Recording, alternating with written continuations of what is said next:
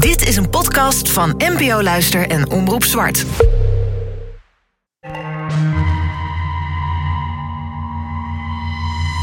En waar komt dat geluid dan vandaan? Dan woef, woef.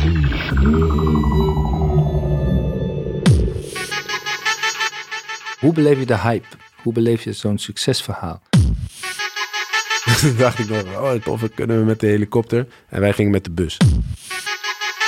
Als je zulke dingen kan betekenen voor je publiek, ja, dat is meer dan bijzonder. Werd de status van die plaat werd gewoon eh, classic.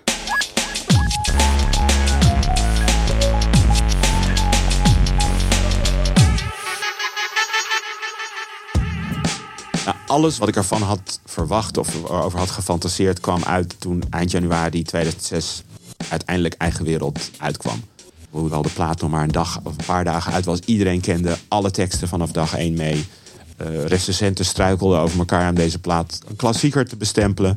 Er kwam ook hoog in de albumlijsten binnen, wat toen voor hip-hop ondenkbaar was. Er stonden rijen bij platenzaken waar we limited editions van het album verkochten. Merchandise was overal uitverkocht. Dat was echt heel bijzonder en heel impactvol. En dat hadden we al meegemaakt met vloeistof. Dat was bij Eigen Wereld eigenlijk nog veel groter en veel impactvoller. Maar het was nu ook, opeens ging de pers erover schrijven. Opeens gingen ze in kunstprogramma's het hebben over Eigen Wereld. Dat was nieuw.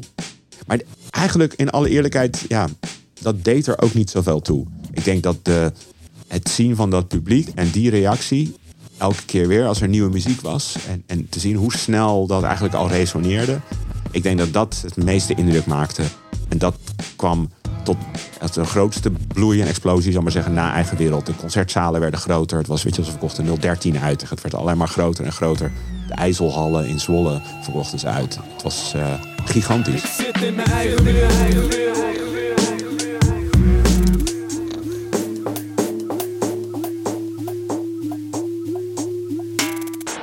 Maar voordat het zover is, moest het album eerst afgemaakt worden. Toch hebben we flink wat tracks gemaakt. Dus het is ook weer niet dat we helemaal niks meer deden. Dus er staan twintig tracks op die plaat, geloof ik. En dan heb je nog de faculteitssessies. En dan heb je nog uh, um, alles wat niet uitgebracht is. En Opgeduvel 2 werd ook nog gemaakt. En, en Jan Watson album. Dus we, we, hebben echt best wel veel gemaakt in die jaren. Ook in die tijd. Dus ik, ik herinner het me helemaal niet als in van we deden niks meer of zo. Helemaal niet, nee. Het was wel toen ik eruit kwam, uh, gewoon weer verder gaan. Weet je, de studio in en verder bouwen met de tracks. Zodat we het plaatje af hebben. Dus wat je hoort op eigen wereld, er zijn dan, weet ik veel, 21 tracks. Uh, daar hebben we denk ik nog wel zeker het dubbele van tracks over of zo, weet je, die dan net niet zijn. En dat, dat merk je al gauw genoeg. En dan is het op een gegeven moment het schuiven van pionnetjes van oké, die track die past beter daarop. Of eh, dit is zo mijn geesteskind, die wil ik voor faculteit bewaren qua topic of wat dan ook. Dus daar, uh, maar ik weet zeker dat er tracks zijn die op beide hadden kunnen belanden, beide albums. Dus op een gegeven moment wordt die puzzel telkens duidelijker voor je eigen ogen. Ik heb sowieso een soort vijf sterren beleid. Die was toen intern en tegenwoordig schrijf ik dat uit in, in notitie, overzichten en zo voor mijn muziek en uh, mijn paintings. En dat, dat is dan, iets moet vijf sterren zijn. En voordat hij vijf sterren heeft, gaat hij niet naar buiten toe. Voor mijzelf had ik altijd uh, iets van, ik moet het zeker honderd keer geluisterd hebben. Echt minimaal, liefst zelfs 200 keer. En als het na 200 keer niet gaat vervelen, een liedje, dan is hij goed. Maar als hij na 10, 20, 30 keer gaat vervelen, dat je denkt, ja, of daar heb ik toch even niet, niet iets tofs of zo gezegd, of ik had het beter anders kunnen doen, dan moet het opnieuw. Of dan wordt er een nieuwe track gemaakt. Qua volgorde van nummers, dat trok ik vaak naar me toe. Gewoon van, oké, dit loopt doop in elkaar over. En dan had ik weer nieuwe volgorde gemaakt op mijn iTunes en zo. En dan, weet je, en dan een cd'tje gebrand. En dan ik, hoe vinden we dit? Gingen we rondrijden of wat dan ook. Ja, en op een gegeven moment staat hij er. En dan denk je ook, oh, dit is het. Dit is het. Niet meer, niks meer aan doen. Zo klopt het precies, weet je wel. Een eerste nummer knaller om binnen te komen.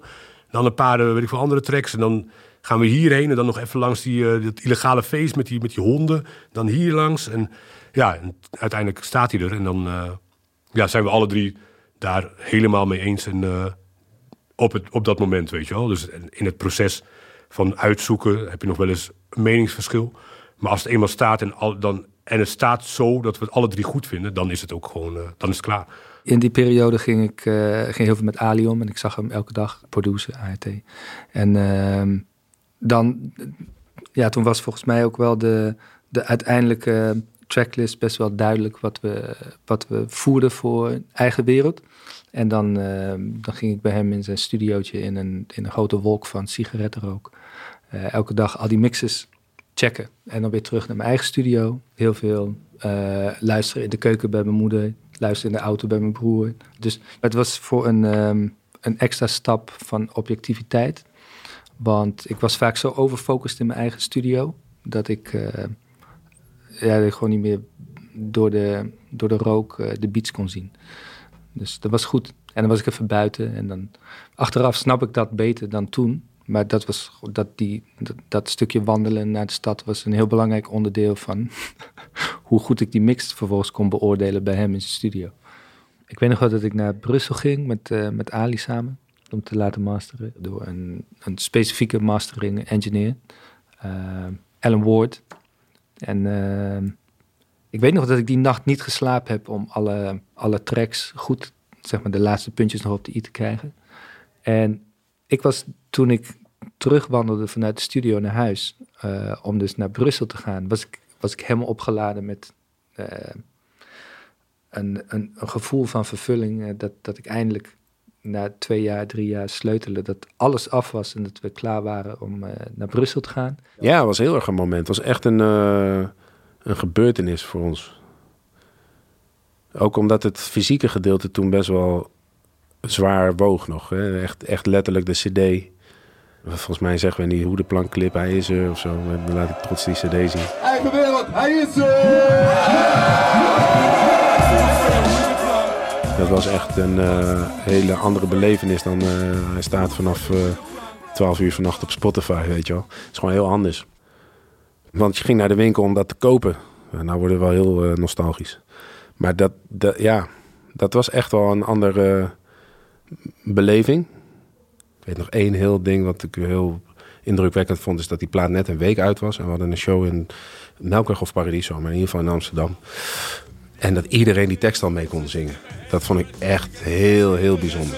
Vergeet je flessen drank met best sap. Ik schrijf net zo strak. Westpunt strak voor die zes letters. Letters. Ik zit in mijn eigen wereld. Hoe kan je dan in een week, dan heb je het, heeft iedereen het massaal gekocht of gedownload en beluisterd.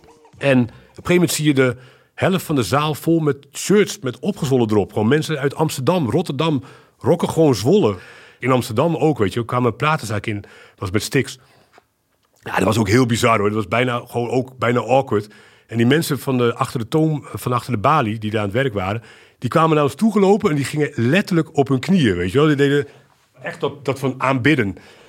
En uh, wij zo yo, kill, ga staan, weet je wel. Even normaal, man. Ja, jullie zijn echt, weet je, bla, bla, bla. En dan kregen we heel veel uh, die reacties. Niet dat op hun knieën, maar we van, yo, man, weet je wel. En samen een fotootje maken. We zaten echt wel op een, op een hoogtepunt met de eigen wereld. Echt wel een hele dikke uitverkochte tour gedaan. En een hele hele toffe festivals. Ik meen me aan hoogtepunten te herinneren. Zijn uh, Doer, Doer Festival in België was echt fantastisch. Nooit zoiets meegemaakt. En uh, Lowlands natuurlijk. Fantastisch. Pinkpop. Al die festivals wel gehad. Solar.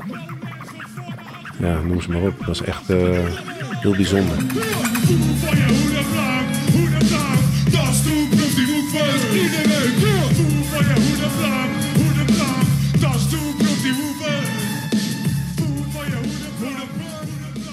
Dan waren ik volgens mij een keer ambassadeur van de vrijheid. Toen dacht ik oh eh, tof, kunnen we met de helikopter. Maar er waren maar twee helikopters en wij gingen met de bus.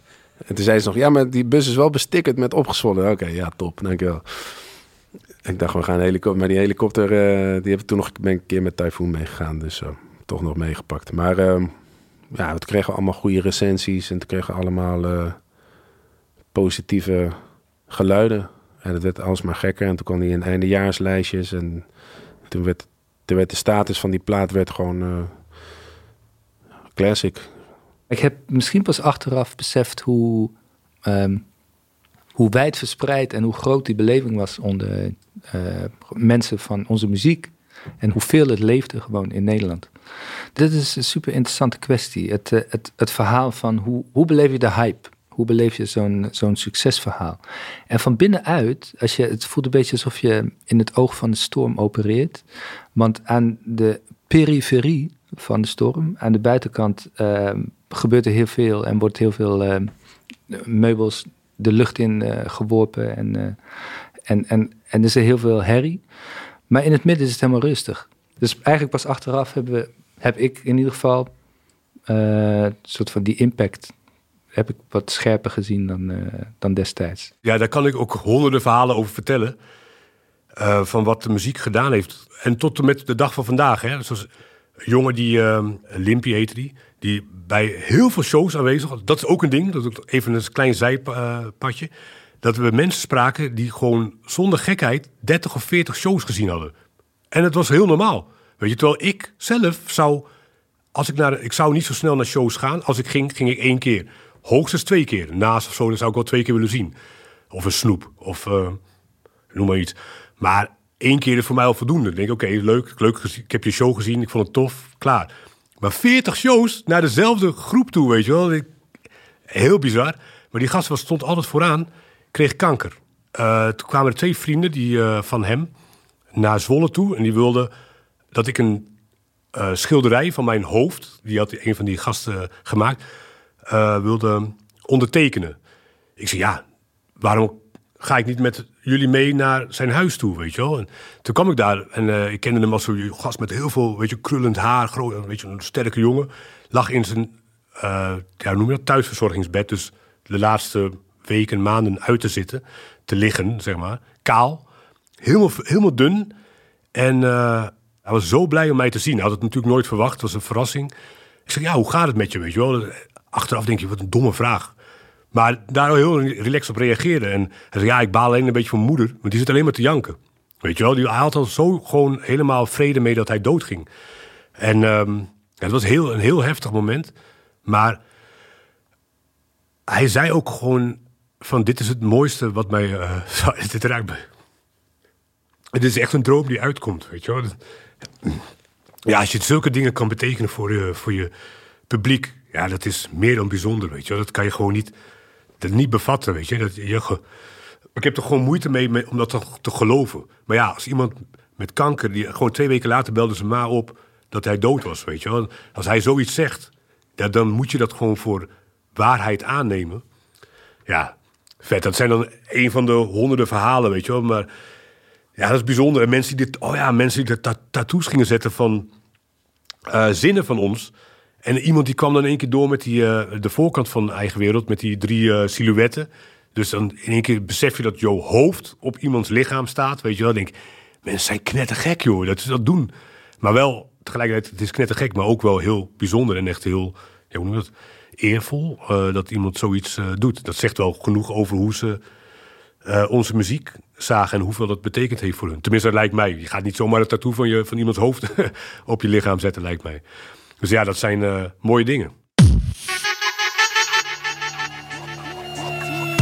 Ik zit in mijn eigen Hoe kan je stoppen met dit leven? We hebben zo lang daarna gewerkt en dan zitten we op dat punt. Daar komen is één ding, maar daar blijven, dan wordt het interessant. En dan stop je ermee.